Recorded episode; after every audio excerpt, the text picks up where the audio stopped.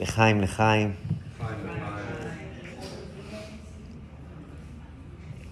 נתניה פרק ז', אנחנו עכשיו בחודש אלול, חודש מאוד מאוד מיוחד, מאוד מאוד חשוב. זה חודש שבעצם זה הזדמנות, הזדמנות גדולה שקיבלנו אה, להסתכל אחורה ולשנות קדימה.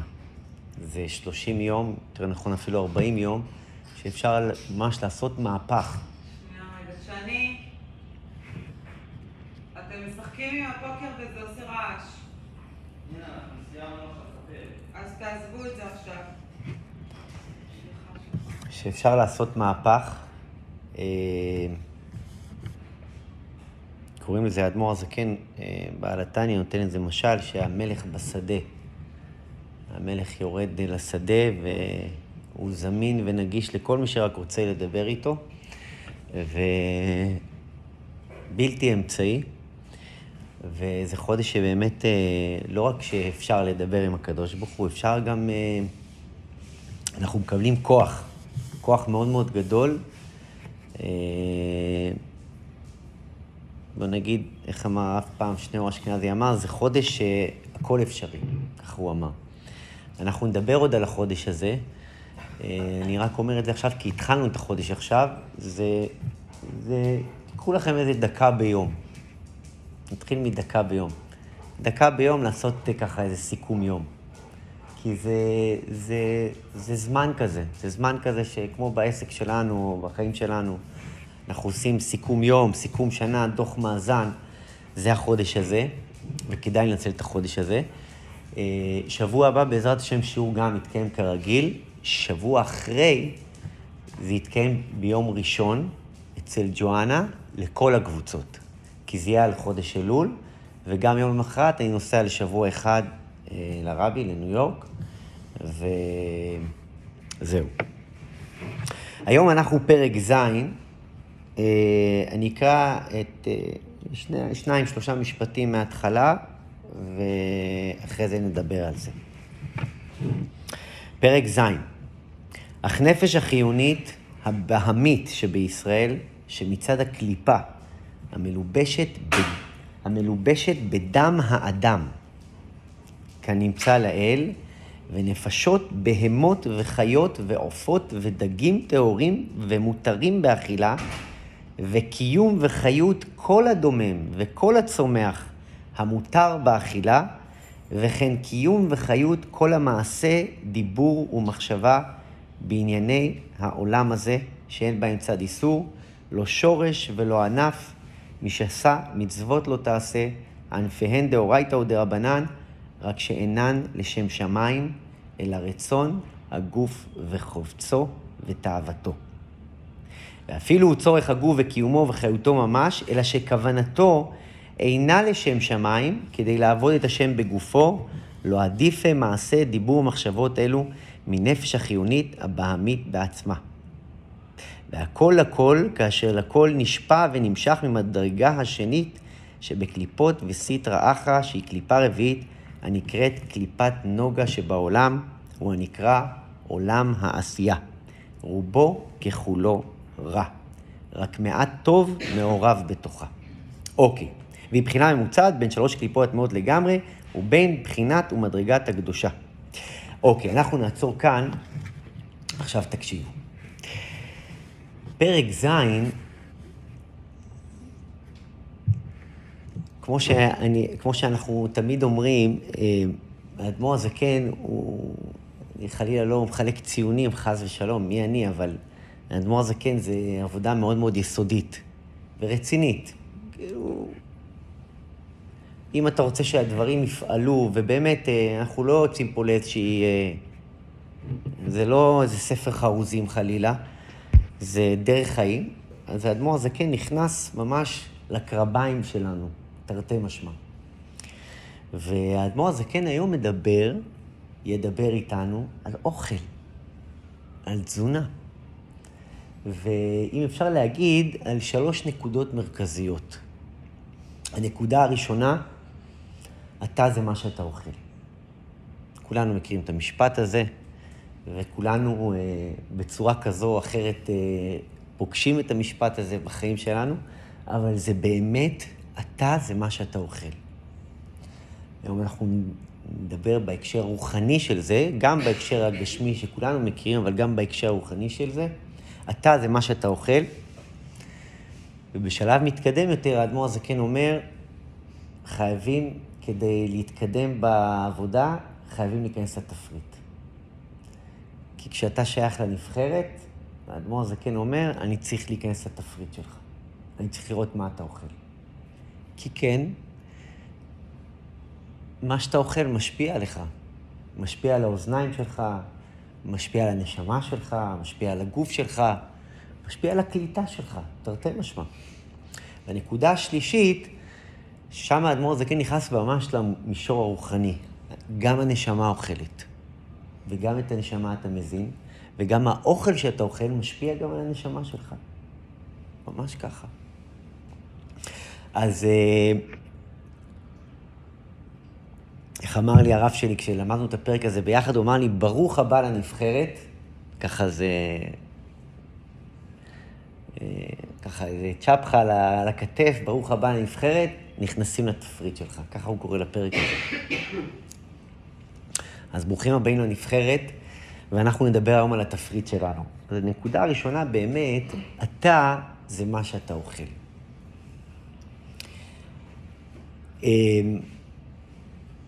בוא נגיד את זה ככה, הצלחת שלך מספרת עליך. זה באמת ככה. זה באמת ובתמים ככה. הצלחת שלך מספרת עליך. אני זוכר כשאמרתי את זה בהתחלה, בהתחלה, ושמעתי את ה... זה, זה כאילו היה צלחת כמו, כמו מראה. צלחת עגולה היא כמו מראה. אתה רוצה להכיר את אה, שיר? תסתכל על הצלחת. ממש ככה. קראתי היום, אמור לי, אה, אה, אמור לי מה אתה אוכל ואומר לך מי אתה. אמור לי מי חברך ואומר לך מי אתה. אמור לי מי, מה אתה אוכל ואומר לך מי אתה. כזה. מה, זה עד כדי כך? כן, זה עד כדי כך. לא פשוט. ואפילו לי לא פשוט, כאילו, כי, כי, כי אני לא... אני לא מקפיד תמיד, אצלי זה כזה בתנודות, ואני מודה שבשבועיים האחרונים, עוד לפני שיצאתי לחופ... שיצאנו לחופש קטן, אז התחלתי ללמוד את הפרק הזה שוב פעם, וזה פרק כזה שכאילו, הוא לא... כשאתה לומד אותו אחרת, אתה קצת לא מרגיש בנוח, אה, לא יודע מה. כן, לתקוע, אה, זה... כן, בדיוק כמו שאמרת, אה, דנה, כן? אני אומר לכם אמיתי, זה כאילו, כי... אנחנו נדבר על זה, זה... זה רציני, זה אמיתי גם, מה זה אמיתי? זה לא... יש לזה בוודאי גם הקשר רוחני, אבל גם לפני שנגיע לרוחני, אנחנו נדבר על זה וזה מוכח, זה מוכח גם מדעית. זה, זה היום, אדרבה, היום העולם, שהעולם הוא כל כך חיצוני, אז, אז גם חיצוני, אני לא אומר את זה דו, דווקא לשלילה. אנחנו רוצים להיראות טוב, אנחנו רוצים, זה, זה לא רק להיראות טוב, זה גם להרגיש טוב. גלוטן זה מוכח כמשהו שמשפיע על הריכוז, לדוגמה. סוכר משפיע על מצבי רוח, בשר משפיע, חלב משפיע, ושימו לב שזה רק הולך ויותר ויותר. ואני מדבר על ה... אתם יודעים, אני התחלתי ללמוד, אשתי אגב למדה אצל השארוב, אה, שמעתם, הרב כהן השארוב, יובל, שהוא ממש, הוא הכהן הגדול בכל מה שקשור לתזונה ואוכל, ולא צחוק בכלל. כאילו, רינת באיזשהו שלב, היא נעצרה, היא יצאה מהקורס. קורס יקר, קורס רציני, והיא אמרה, טוב, גם ככה יש לי סרטים עם אוכל, אז כאילו, כי זה כבר מגיע לכלים שאתה מבשל בהם, ולה, ו... אז אנחנו לא נדבר על זה, אבל, אבל זה אמיתי. היום קראתי, סתם, קצת גוגל, אתם יודעים, להרחיב קצת את היריעה, אפילו כולסטרול, כאילו, זה נשמע לכם זה, אבל כולסטרול משפיע על הצורת חשיבה שלך, משפיע על ה... אמיתי, כאילו, כשאני זוכר פעם, היה לי, מזמן מזמן, היה לי בעיות ריכוז, או איזה קשב, או איזה זה, ודיברתי עם זה ועם זה, וגם הגעתי לאיזושהי נטרופטית, והיא אמרה לי, גלוטן משפיע על הריכוז. וזה מוכח. אגב, היום, אתם יודעים, בהשגחה בדיוק פגשתי מישהו, ש... זה, זה מדהים. כשאתה חושב על משהו, או כשאתה נמצא במשהו, כאילו הקדוש ברוך הוא שולח לך כאילו, פתאום אנשים, אתם מכירים את זה. כשאתה חושב על משהו, פתאום אתה רואה את זה, אתה... אתה קונה אוטו, כן, פתאום אתה רואה... כן, מלא כאלה. כן, ואף פעם לא ראית אותם לפני. אז יום שמעתי מישהו שהוא היה רקדן בעברו, והיה לו בעיות של עור, עור, בעור שלו. והיו לו בעיות לא, לא פשוטות, הוא ככה סיפר על קצה המזלג, והוא אמר שזה היה לפני שנים. ו... והוא ניגש לאיזשהו מטורופט בכיר, ש... שלום, ברוכה הבאה. ו... והוא אומר שהוא נתן לו כמה, כמה כללי מפתח לגבי האוכל. היום הוא טבעוני הבן אדם. הוא אומר שהוא לא שותה כלום חוץ ממים, והוא אומר, תשמע, זה הלכה למעשה. זה, זה, זה, זה, זה, הגוף שלי פשוט התחלף, ממש. אז בסדר, אנחנו לא בסוף השיעור הזה, לא נהיה טבעונים, אני בטח לא, אבל אה, זה משפיע. רבי נחמן, קראתי היום, רבי נחמן מברסלב אומר שאוכל מתחלק לשלושה מסלולים. אתם יודעים, יש גם אכילה רוחנית. שימו לב כמה זה מעניין. האוכל מתחלק לשלושה מסלולים. מסלול אחד זה ודאי מה אתה אוכל, כי המסלול השני זה כיצד אתה אוכל, כך אומר רבי נחמן. והמסלול השלישי, ואולי מעניין ביותר, שים לב, יוני, לשם מה אתה אוכל. סליחה? מה זאת אומרת לשם מה אני אוכל? לשם מה אני אוכל משפיע עליי? מה זאת אומרת? אם אני אוכל את הסוכריה, הסוכריה זה לא טוב. ואם אני אוכל את ה... אני יודע, חתיכת סטייק ב-12 בלילה, אז, אז זה לא טוב. כאילו, מה זאת אומרת לשם מה? כן. אתם חושבים על זה רגע? אתם יודעים שאני קראתי מכתב שכתבה איזושהי נערה, נערה, נערה מתבגרת לרבי מלובביץ', על איזשהם בעיות שהיא חווה בדיאטה וזה, ו... ותראו, הרבי מתייחס לכולם, כמובן. אז הרבי כתב לה, אני ממש ראיתי את המכתב הזה, הוא כתב לה, זה לא משנה מה את אוכלת, אלא לשם מה את אוכלת. מה זאת אומרת? או שזה טוב או שזה לא טוב.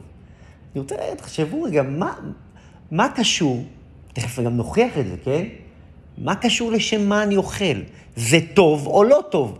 לשם מה אני אוכל, זה יכריע את ה... אם האוכל הזה הוא טוב או לא טוב? מה זה קשור? מעניין מאוד. אז קודם כל, בואו נדבר על זה. מה אתה אוכל? קודם כל, מה אתה אוכל? זה אוכל קודם כל בריא או לא בריא. מזין או לא מזין. בגדול, מזין או מזיק קוראים לזה. וכן, אוכל יכול להזין אותך, ואוכל יכול להזיק לך. פשוט, כולנו יודעים את זה. אחר כך, יש כיצד אתה אוכל. כיצד אתה אוכל, זה... הרמב"ם, אגב, כותב על זה גם... בזמנו קצת למדתי את זה, ואיך אתה אוכל. גם לפני האוכל, איך אתה ניגש אליו, אחרי האוכל, בטח אחרי האוכל, איך אתה מתנהל, לא לישון, אה, לנוח, לא לרוץ, לא... וכולי וכולי, אבל איך אתה ניגש אל האוכל? זה כזה, עכשיו תחשבו, אתם יודעים, פעם אמר לי, זה מישהו, כאילו, אמרתי, מה כל כך העניין עם אוכל? כאילו, אם, סליחה על הביטוי, אם, אם חטפתי עכשיו איזה שווארמה בלאפה, וככה על הדרך, ואנחנו מכירים את זה, בפרט אנשים עם יום כזה לא מסודר, או... ואז הוא אמר לי משפט, אני זוכר, זה היה לפני שנים, שנים, שנים, הוא אמר לי, זה משפט הכי פשוט, ווואלה, זה תפס אותי, והנה, אני עשר שנים אחרי זה מדבר איתכם על ה... הוא אמר לי, תקשיב, כאילו, אתה מבין שכאילו, אתה בוחר מה ללבוש, מה לראות, מ, מי, מ, למי להקשיב, לזה אתה... בכל הדברים סביבך אתה עושה סלקציה.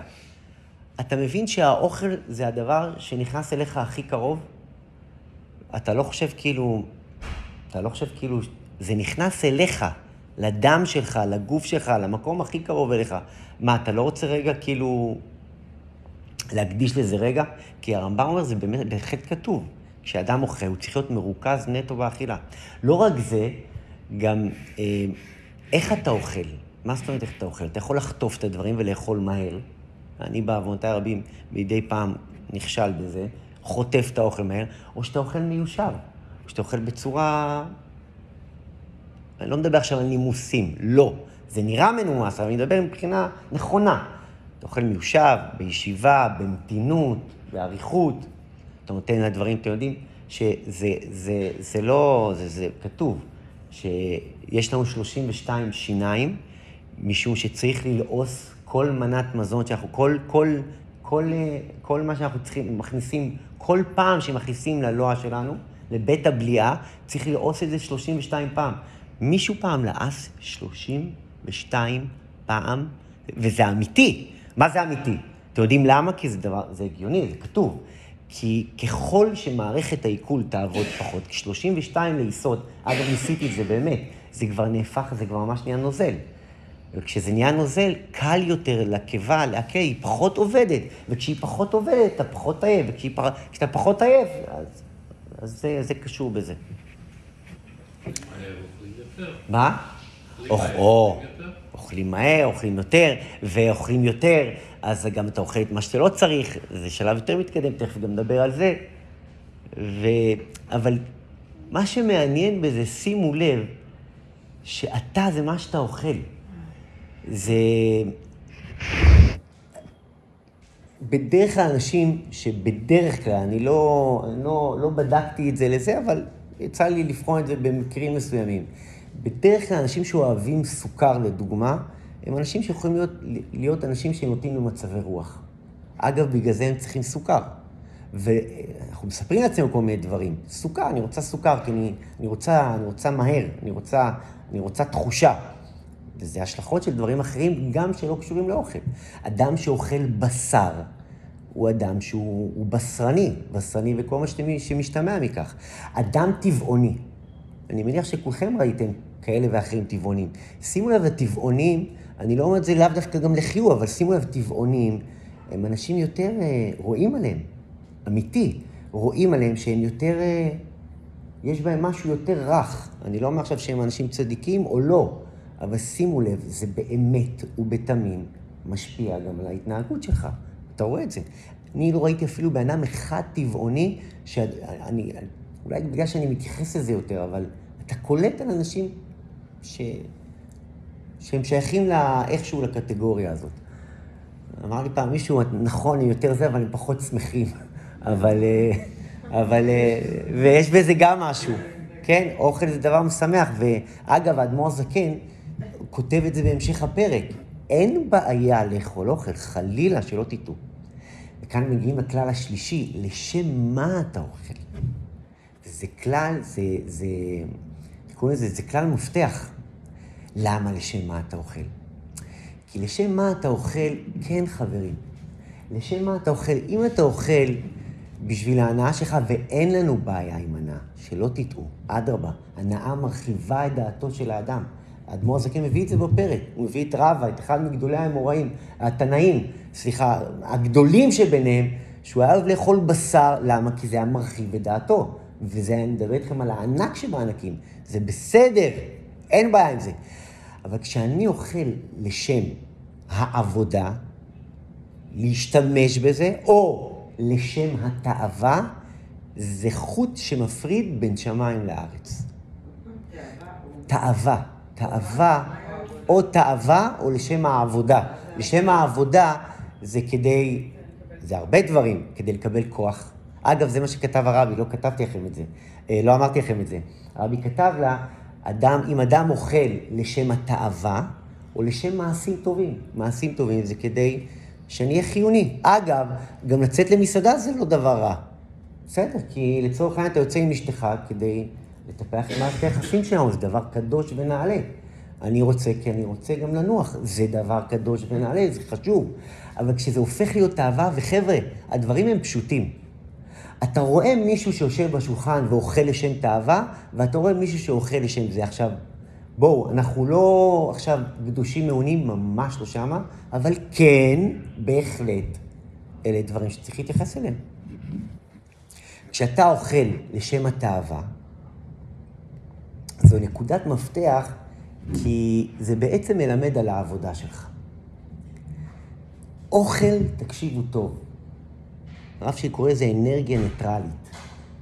זו אנרגיה ניטרלית שאתה מתרגם את האנרגיה שלה. מה אני הולך לעשות איתה?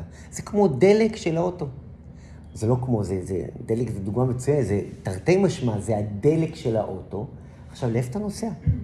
אתה נוסע כמו מטורף בכביש, או אתה נוסע כדי לקחת את הילדים לגן, או כדי להגיע לעבודה? אבל זו אנרגיה שאתה מחליט מה לעשות איתה. לשם מה אתה אוכל זה כל כך חשוב, כי זה, זה, זה משליך על כל הגישה שלך בעצם לחיים, ולחיים זה לא, ולאוכל, ולאוכל זה לא רק האוכל, כי אתה זה מה שאתה אוכל, זה באמת העבודה הפנימית שלך. עכשיו אומר האדמו"ר הזקן, אתם יודעים, אה, הרמב"ם כתב, אני חושב, לא זוכר אם זה ספר, אה, אחד הספרים שלו, בריאות, אתם בטח שמעתם את זה. בריאות זה ראשי תיבות, בולם רוגזו, ימעיט אוכלו וירבה תנועתו. ככה כותב הרמב"ם. בריאות, בולם רוגזו, ימעיט אוכלו וירבה תנועתו. הוא אמר, זה, זה, זה ה-definition של בריאות. בולם רוגזו, כולנו יודעים. רוגז, אגב, כעס, זה, זה, זה, זה הדבר הראשון שמשפיע, אתם יודעים, כעס, לצערנו, משפיע על כבד, סטרס, בולם רוגזו, לא סתם הרמב"ם הוא קורא לזה בולם, כן? כי אה, זה בעיקר... זה הראשון. הראשון, ודאי. גוף ונפש אחד הם, הנפש אפילו יותר חזקה, אני חושב. אני לא חושב, אני בטוח. ודאי, בולם רוגזו, בולם רוגזו. וימעיט אוכלו, הרמב"ם אומר את זה בצורה מאוד מאוד ברורה, וכל מה שהרמב"ם מוכח מדעית, זה פשוט. אכול כשאתה רעב, תשתה כשאתה צמא. למה? כי הגוף זו המערכת הכי מתוכנתת ונכונה ומדויקת שיש בעולם. ומה הבעיה של כולנו? אנחנו אוכלים לא כשצריך, או כש, כשכבר שבענו. אגב, לא ניכנס עכשיו לשיעור על אוכל, אבל ניגע בזה. לגלות אם שבעתי צריך לחכות כמה דקות. אבל אנחנו לא, אנחנו רוצים להיות שבעים עכשיו. ואז מה קורה? אז אנחנו אוכלים ואוכלים ואוכלים, ואז מה קורה לך אחרי שאתה אוכל יותר? ואז כאבי בטן, ואז כאבי ראש, ואז אתה עצבני. פעם הרב עדין אבן ישראל אמר, אני לא זוכר את הלשון שלו, הוא אמר את זה כל כך יפה. הוא אמר, אתה רוצה לראות על מי כיפור עבד באמת כמו שצריך? תסתכל על איך הוא מתנהל במפסקת. יעני, נכשלנו, חבל על הזמן. אז אני אני צמה בלי ארוחת מפסקת. הילדות למדו ממני בלי ארוחת מפסקת. את מדברת על הארוחה לפני. ארוחת, ארוחת, ארוחת, כן.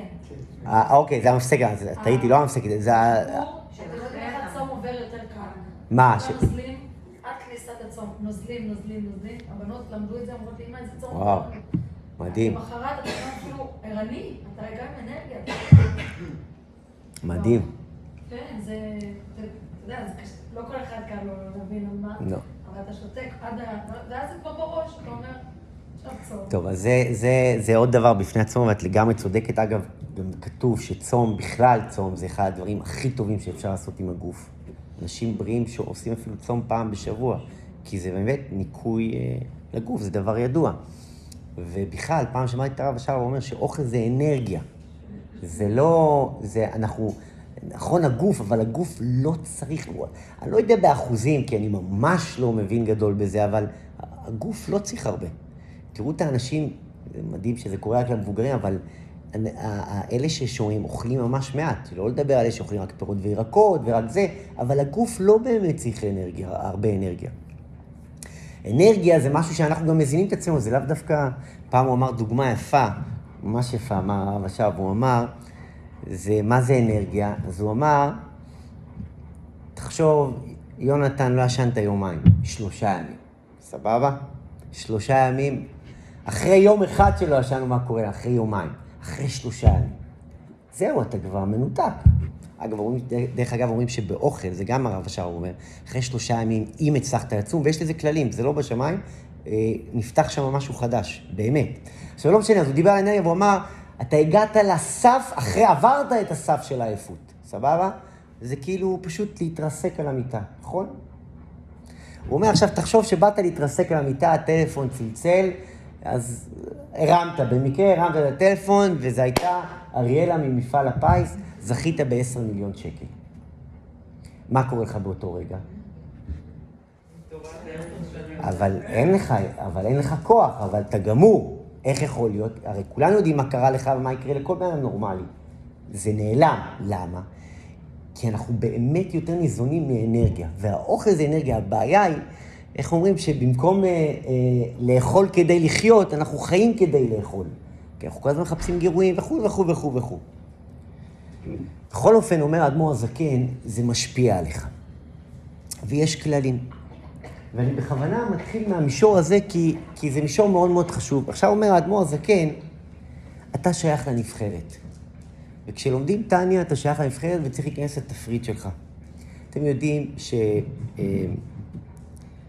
שספורטאים, זה דבר ידוע, ספורטאים, בכלל, שחקני כדורגל, כאילו, אני מדבר איתכם על אנשים שהחיים שלהם זה ספורט.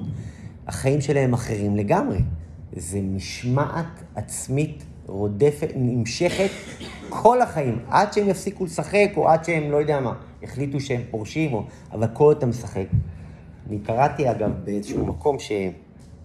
אה, טוב, זה כבר משהו זה, ששלמה שרף לא הכניס את אלון מזרחי, ואני לא מבין בכדורגל, פשוט זה היה כתוב, לא הכניס את אלון מזרחי לשחק בנבחרת בגלל שהיה לו עגיל באוזן. למה? כי זה כבר עוד עניין. אבל אתם יודעים, אגב, כתוב, אה, איך קוראים לשחיין, מייקל פלפס. אתם ראיתם פעם, זה היה מפורסם, כן? זה לא שחקרתי את זה. מה התפריט שלו כשהוא היה שוחה בשיא שלו? אכל 10-12 אלף קלוריות ביום. כאילו, שתי מגשי פיצה, איזה ארבע פסטות, והוא... עכשיו, כי זה אנרגיה שהוא צריך. בדיוק. בדיוק, אבל יש כללים. עכשיו, עזוב את שאצלו זה כי הוא, כי הוא חייב את. זה, לפרק את האנרגיה הזאת, אבל אתה, מה שאתה אוכל. ואתה חייב, חייב, על אחת כמה וכמה, אם אתה ספורטאי, אז אתה צריך להגיע להישגים יותר גדולים. כדי להגיע להישגים יותר גדולים, אתה חייב להיות כפוף למשמעת.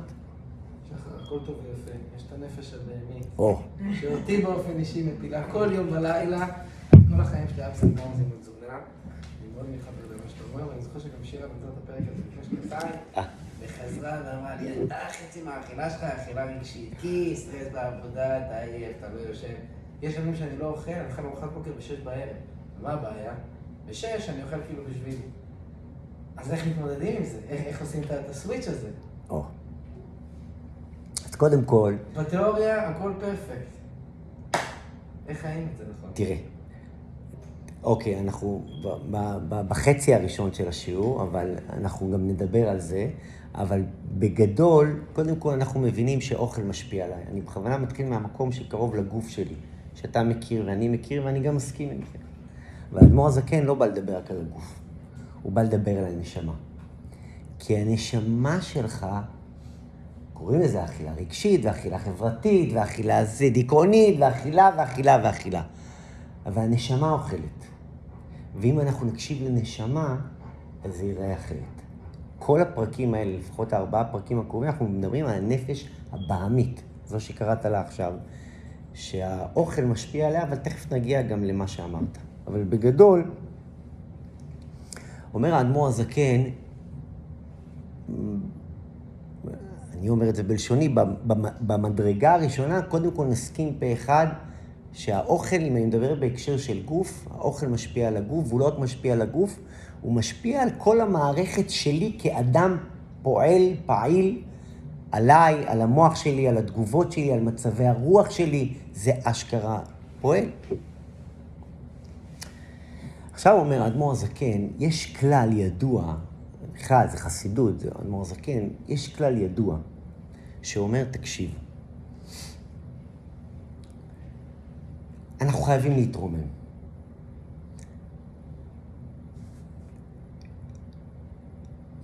אי אפשר להישאר במקום, אתם יודעים, כאילו, אנחנו נמצאים כאילו בחיים שהם, שחלק, החלק, החלק הפעיל אצלנו, החלק השוטף אצלנו, החלק הדומיננטי אצלנו, הוא החלק דווקא הטכני.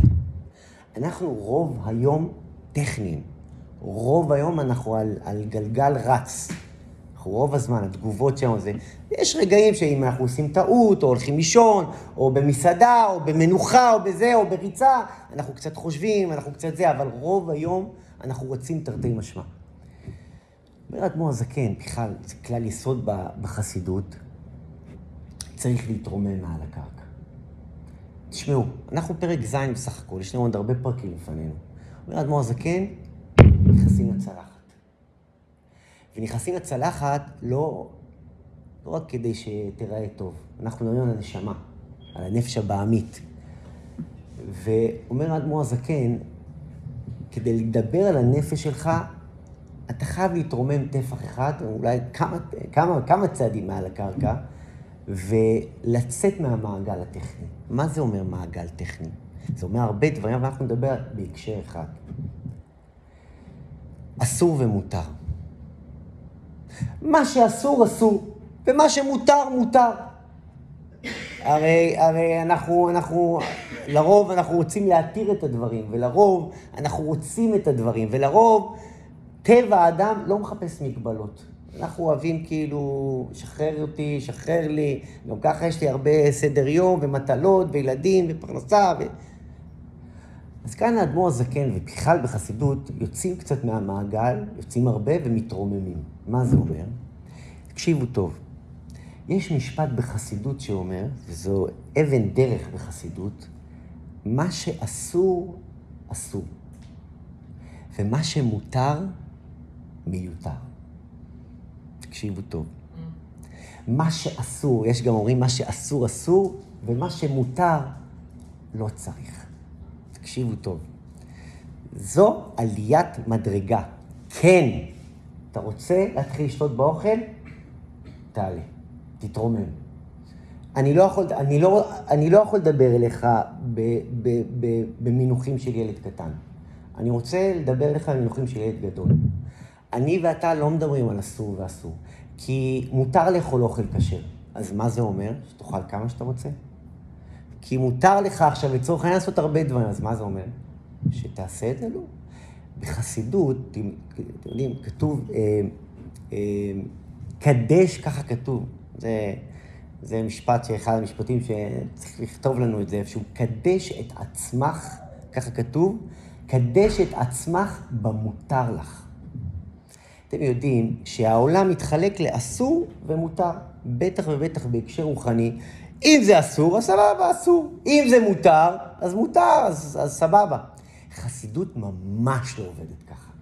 חסידות אומרת, אדרבה, כשהאסור הוא אסור, אז אני יודעת, זה אסור. אסור לגעת בחשמל, אסור לאכול אוכל לא כשר, אסור לעשות הרבה דברים. זה דבר נורא מוגדר וברור. איפה הבעיה, ולא רק הבעיה, איפה מתחילות הצרות? במותר. כשאתה מתיר לעצמך ביס אחד, או כשאתה מתיר לעצמך להיכנס למגרש הזה, זה מגרש שאין אין, אין קירות, כי זה מותר. החסידות באה ומגלה באמת דבר חדש בעולם. מה שמותר, מיותר.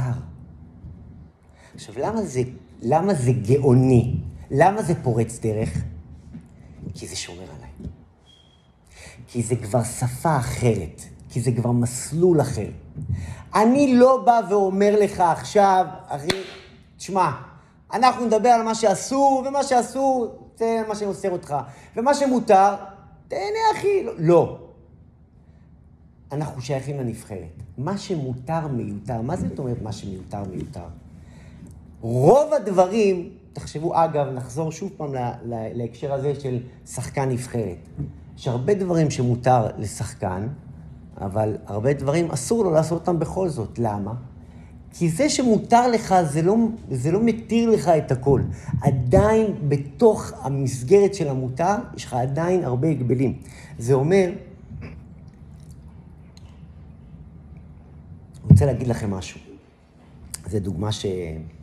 שהרב שלי נתן, אדמו"ר הזקן קורא, זה תכף נדבר על זה.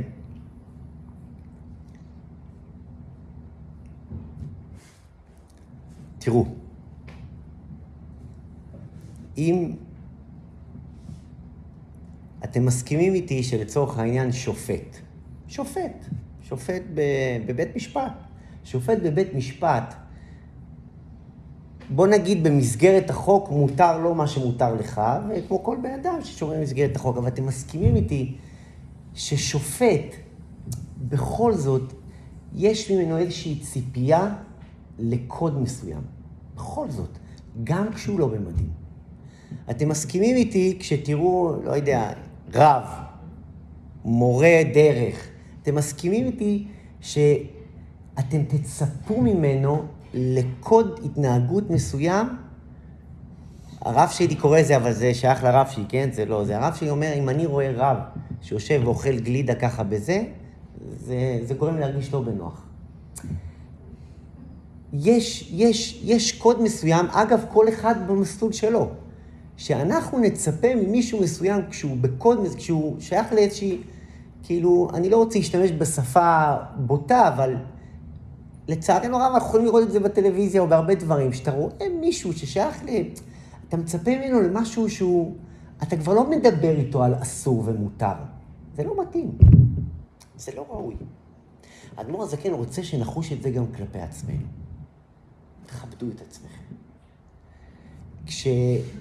כש... להתרומם מהמגרש הזה של מה שאסור לי זה אסור לי ומה שמותר לי מותר לי. לא, מה שמותר מיותר. למה? כי אומר האדמו"ר הזקן, זו נקודה מאוד מאוד חשובה, שאתה, איך, איך הולך השיר הזה? האדם הוא תבנית נוף מולדתו. אתה שיקוף של מה שאתה שומע, של מה שראית ושל מה שאתה אוכל. מה שאתה אוכל זה מה שמגיב בך. איך שאתה אוכל זה מה שמראה אותך, זה מה שמציג אותך. ולכן האדמו"ר הזקן, אתם יודעים, פעם הרב יוסי, מישהו גדול מאוד, אמר, אדם לא מוצא את עצמו בוקר אחד ביער. אתה הולך בדרך אל היער. והאדמו"ר הזקן נכנס כאן עמוק עמוק ל, ל, ל, למסלול מאוד מאוד רגיש, מדויק, ועוד לפני שמגיעים לא, לאוכל שלנו. כי האוכל שלנו משפיע עלינו. עכשיו אומר האדמו"ר הזקן, זה לא משפיע רק על הגוף שלך, זה משפיע גם על הנשמה שלך. כי הנשמה שלך אוכלת. וכן, יש אוכל שמותר לאכול, ויש אוכל שאסור לאכול. יש אוכל כשר, ויש אוכל לא כשר. כשר זה לא רק כשר, איזה... כשר מלשון כשיר.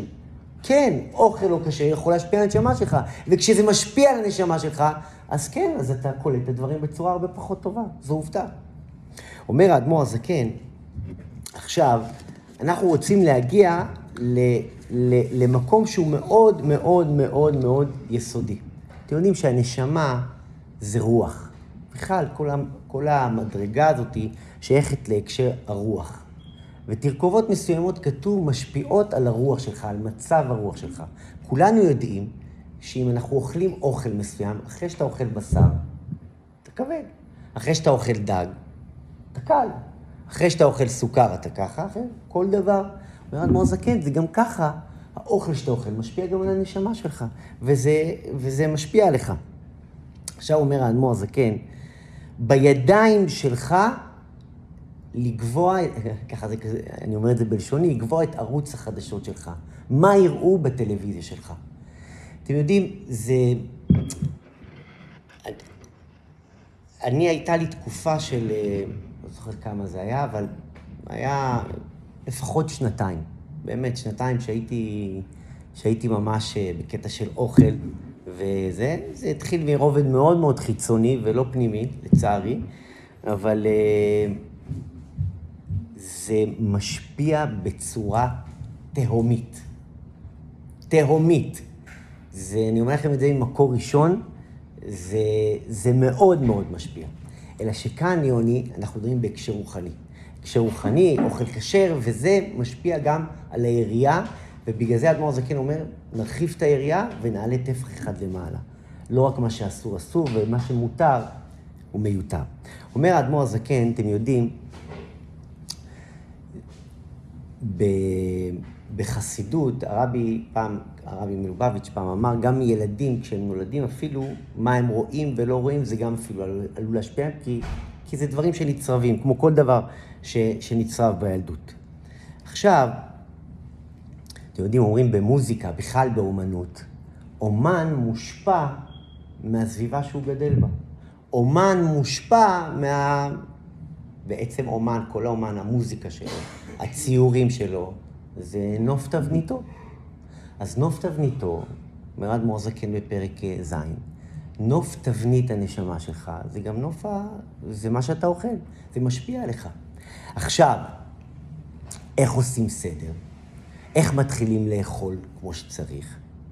איך, מה עושים? אז כאן האדמו"ר הזקן, אני אומר את זה כמובן בלשוני, הנשמה היא דבר מאוד מאוד עדין ורגיש. וכן, צריך להתייחס אליה, זה דבר נורא נורא רגיש. אתם יודעים, כמו תינוק. את פסיכולוגית, נכון? אתם יודעים שתינוק, אפילו הטמפרטורה, זה... פעם למדתי את זה, הטמפרטורה שהוא גדל בה, זה דבר שמשפיע. אז הנשמה היא בדיוק אותו דבר. כמו בגוף, ככה בנשמה. בדיוק אותו דבר. כמו שאתה מקפיד על הגוף שלך, מה אוכל, מה לא אוכל, ככה גם בנשמה שלך.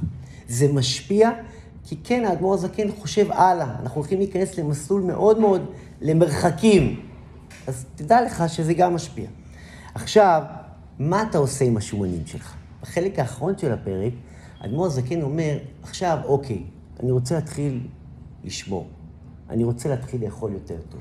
אני רוצה להתחיל אה, אה, לעבוד על השומנים שלי.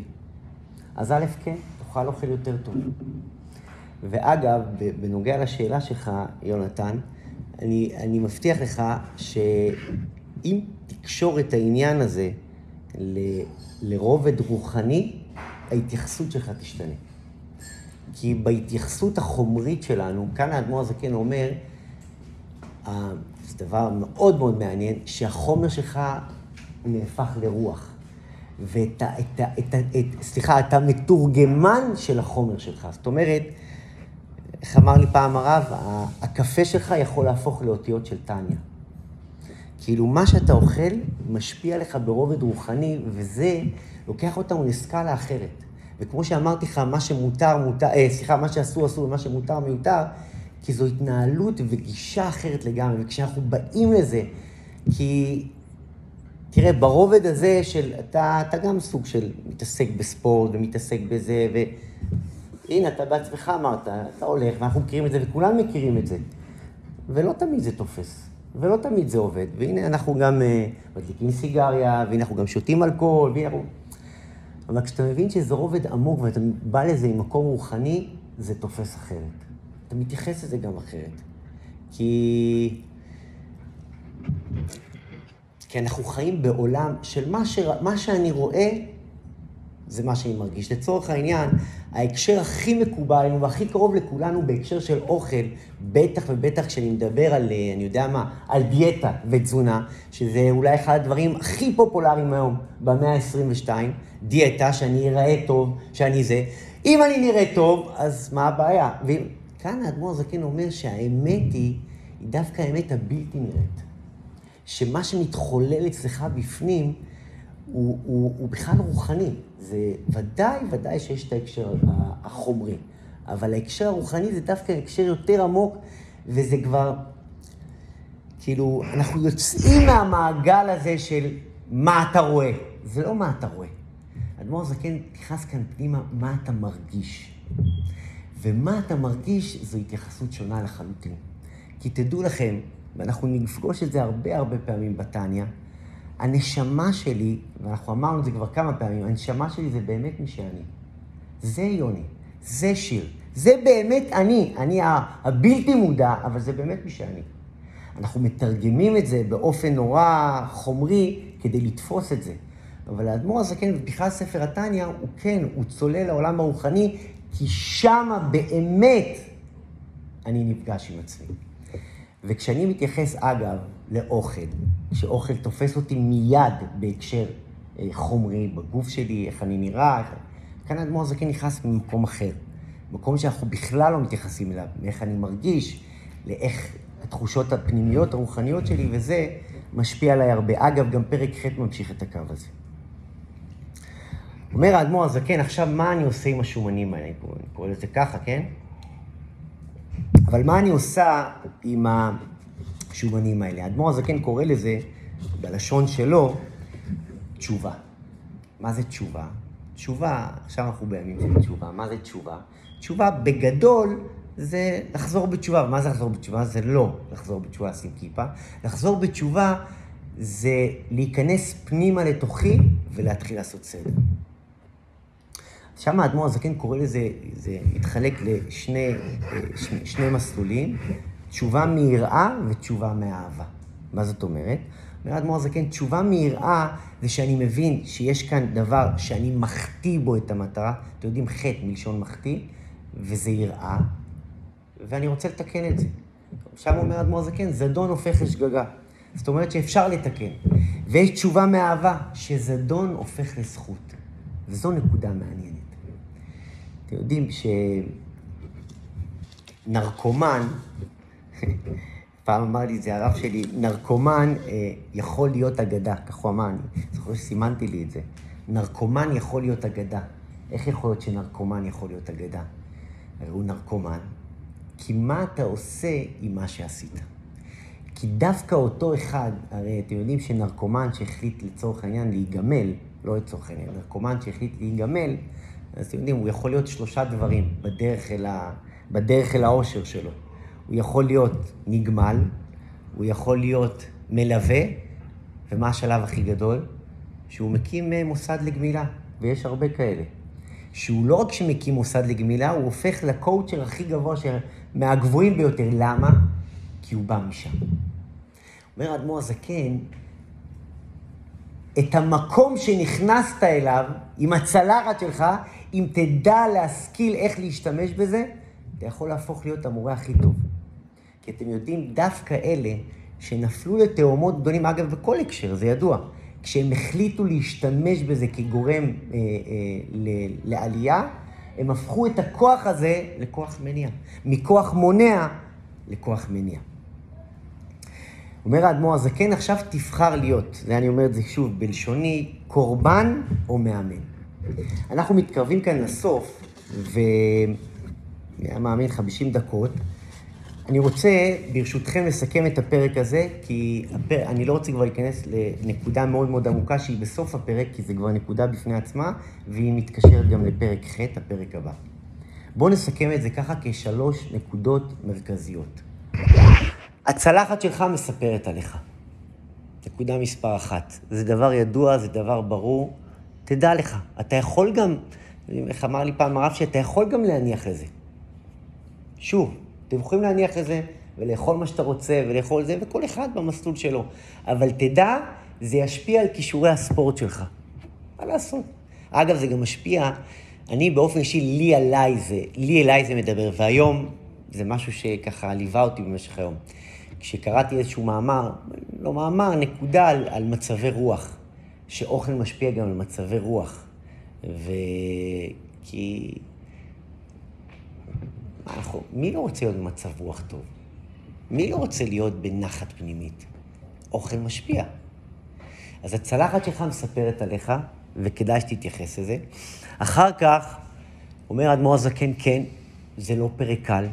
אגב, יש, יש אגב כאלה שמדלגים על הפרק הזה. תן לי, תן לי קודם כל להיכנס לרבדים אחרים של הנפש. לא, אנחנו ממשיכים בסדר. אומר האדמו"ר הזקן, אתה שייך לנבחרת, אתה יכול להמשיך בחיים שלך, ביומיום שלך, בצלחת שלך, אבל תדע לך, זה יפגע בכישורים שלך. חייבים להיכנס לתפריט.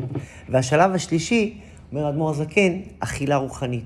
האכילה שלך זה גם מה שאתה מאכיל את הנשמה שלך. גם זה משפיע עליה, אבל הכל, ועם זה מסיים האדמו"ר הזקן את הפרק, הכל בר תיקון. אתה יכול להחליט להפוך להיות או קורבן או מאמן גדול. בבקשה. זה שלב השאלות בדיוק. אם המותר מיותר, למה. לקדש את המותר? אני שמח שהזכרת לי את זה, כי זו נקודה מאוד חשובה. אם מה? אם המותר מיותר, לא. יפה. אז למה לקדש את המותר? יפה, יפה. אז אוקיי. כי לא, כי, כי אולי לא הסברתי את זה. קדש את עצמך במותר לך. מה זה אומר? העולם אומר ש... אה, שאם אני שומר על עצמי מהאסור לצורך העניין, אז אני, אז אני קדוש. אז אני, אני פועל נכון. כי מה שאסור, אני לא נוגע בו. החסידות באה ואומרת, תשמע, יש שני מגרשים במשחק. יש את המגרש, אני אומר את זה בלשוני, של הילדים הקטנים. מה אסור אסור ומה מותר מותר. וזה המגרש הילדים, ואגב, זה באמת הילדים. מותר לאכול שוקולד אחד ביום? אז בדרך כלל ההורים אומרים, כן, אם זה קובייה אחת ביום מותר. יש את המקום הזה. בחסידות, אנחנו עוברים למגרש השני. תקדש את עצמך לא במגרש האסור, במגרש המותר. כי שם העבודה, קודם כל זו עבודה הרבה יותר קשה, ושם זו התנהלות שונה לחלוטין. למה? כי פה אני כבר עובד עם השכל. כי, תראה, אתם יודעים מה, הדוגמה הכי שכיחה והכי קרובה לכולנו. דיאטה. דיאטה על פניו זה, זה כאילו, מה שאסור לי, אסור לי, ומה שמותר לי, מותר לי. איפה הבעיה הכי קשה בדיאטה? עם מה שמותר לי. מה שמותר לך מאלץ אותך לחשוב. מה שמותר לך, כשאתה מתחיל להתבונן על זה אחרת ורגע לעצור, כי מותר לך עכשיו לאכול את הביס הזה, או, את, או כל מה שמותר, ויש הרבה דברים שמותר. כשאתה מתבונן רגע על המותר, רגע זה מותר לי. אבל אני אומר, רגע, אולי אני לא צריך את זה? זה מערכת הפעלה שונה. למה? שימו לב, זה שריר שאם אנחנו נתחיל לה, להפעיל אותו, זה לא רק יפעל עליך באוכל, זה יפעל עליך גם בהרבה דברים אחרים שלא קשורים בכלל לאוכל, כי זו מערכת הפעלה. יש מערכת הפעלה שלא רק מה שאסור אסור ומה שמותר מותר, אלא מה שמותר לא צריך. כי אני לא בא ממקום של אם זה מותר אז, אז זה אוטומטית אצלי. לא. אם זה מותר, אבל רגע, אני כבר לא שואל את עצמי אם זה אסור מותר. רגע, אם אני צריכה את זה. תחשבו כמה דברים ביום אנחנו עושים. וואי, אתם יודעים מה? בואו רגע נחשוב על זה רגע. דקה, שתיים. דברים שמותר לי לעשות, ווואלה, אני יכולה לא רק לוותר עליהם, הם לא מועילים לי. תקשיבו טוב, הם לא מועילים לי. אני אתלך איתכם עוד צעד אחד קדימה. הם מזיקים לי. מישהו יודע, מישהו מכיר דוגמה כזאת? שזה מותר, אבל זה מזיק. שאני משחררת שם יותר, אבל זה כאילו משהו מותר, אבל לא צריך לעשות את הדבר הזה. כמו למשל, מותר, אבל לא בכמויות מטורפות, אלא לשמור על הכמות. לראות חדשות. לא, זה שוגע לי. מותר, לא תורם לי, זה אפילו מזיק לי כבר בהקשר. אגב, אגב, קודם כל זו דוגמה מצוינת. למה זו דוגמה מצוינת? כי קודם כל כולנו מכירים את הדוגמה הזאת, אבל זו דוגמה מצוינת כי היא מאוד מאוד אה, אה, ברורה. זה מותר. חבר'ה, בעיניי, כן, זו דעה שלי, לראות היום מזיק לנשמה, חדשות. חדשות, מזיק, מזיק. אגב, מותר, מותר, מותר גם, מותר גם, זה הדבר הכי מותר, כאילו, מותר. כולנו נסכים שיש בו הרבה דברים גם אסורים, כן? אבל מותר, וואו, כמה המותר הזה לוקח אותי, אתם יודעים מה? בואו נצא, בואו נצא מהאסור. עזבו את האסור, כי זה לא עובד עלינו. אתה יודע מה, יוני? עוד, עוד דבר, שזה זה מתחדד. כי כשאנחנו ב- במערכת הזאת, מותר ואסור, זה כבר לא עובד עלינו. לא עובד. אסור לך. מה אתה אומר? אתה תגיד לי מה אסור? זה לא אסור, אבל תגיד לי עכשיו, חזרת מהעבודה, אני מדבר עליי, כן? אני עכשיו חוזר, ובמקום לנצל את השעה האחרונה לפני שאני כבר נרדם על, ה, על הספר או על הזה, רק רציתי לראות איזה משהו, לא יודע מה, N12 וזה, והרי ברור לכולנו שסיכויים גבוהים, אם לא 100 אחוז, שזה לא יסתכם בכותרת ההיא, שזה זה מסתכם ובאפליקציה ובזיפ וזה, ואז, זה לא שאני אבוא ואגיד, אה, בז... כאילו, אני מדבר עליי באופן אישי, וואלה, אני... קרה לי לא פעם ולא עשר ולא עשרים פעם, ש... שכשקמתי בבוקר התבאסתי על עצמי. בת... אגב, זה היה אוטומטית גם.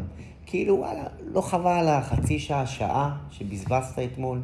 כאילו, זה כאילו, מה, שמיוט... מה שמותר, מיותר, מה זה מיותר? לא מועיל. ולא מועיל, הוא גם לוקח אותך לרבדים כאילו... ואגב, מה שמותר בסוף, הוא גם מביא אותך גם בסוף, אה, שלא תטעו, גם לאסור.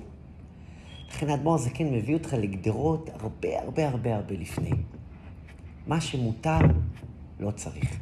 אני ממליץ לכם, שיעורי בית, דבר מאוד מאוד קטן, גם אני הולך לעשות את זה. תכניסו לכם את זה לראש, באמת.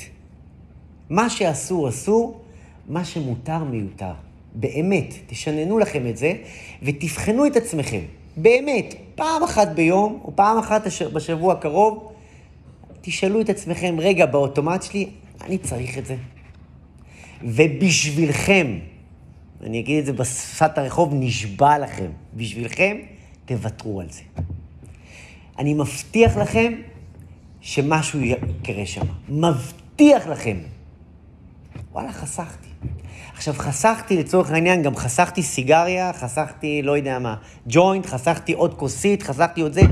זה לא רק זה, משהו שם מתפתח, משהו שם קורה. וואלה, אני לא אוטומט. אני, אני, רגע, אני, אני, רגע, אני, אני מנהל פה משהו. רגע, אני, אני, זה קורה, זה בדוק, בדוק, בדוק. אגב, זה מקום שהנשמה מתעוררת. רגע, מישהו פה מתייחס אליי. רגע, אני... זה מדהים. ועכשיו, אגב, תעשו את זה עוד פעם, תראו בדוק, בדוק, בדוק, המוח קולט את זה. אגב, רוב הסיכויים שהמוח יתנגד לזה, כי אנחנו קלקלנו אותו, כי המוח אומר, מותר, מותר, לא חושב. פתאום אתה, זה handbrakes, זה handbrakes ב-140 בכביש מהיר. אז יש סחרור ויש התנגדות, אבל משהו קורה. אז אל תתחילו בדברים שקשה לכם, אל תתחילו באתגרים הגדולים, בדבר קטן. וגם הדבר הקטן זה לא פשוט, כן? כי אין דבר קטן, אבל תראו, משהו קורה שם. ויש גם תחילה רוחנית, ובעזרת השם, לחיים לחיים, ושיהיה כולנו שבוע טוב, מבורך ו... ואוכל טוב. לחיים לחיים.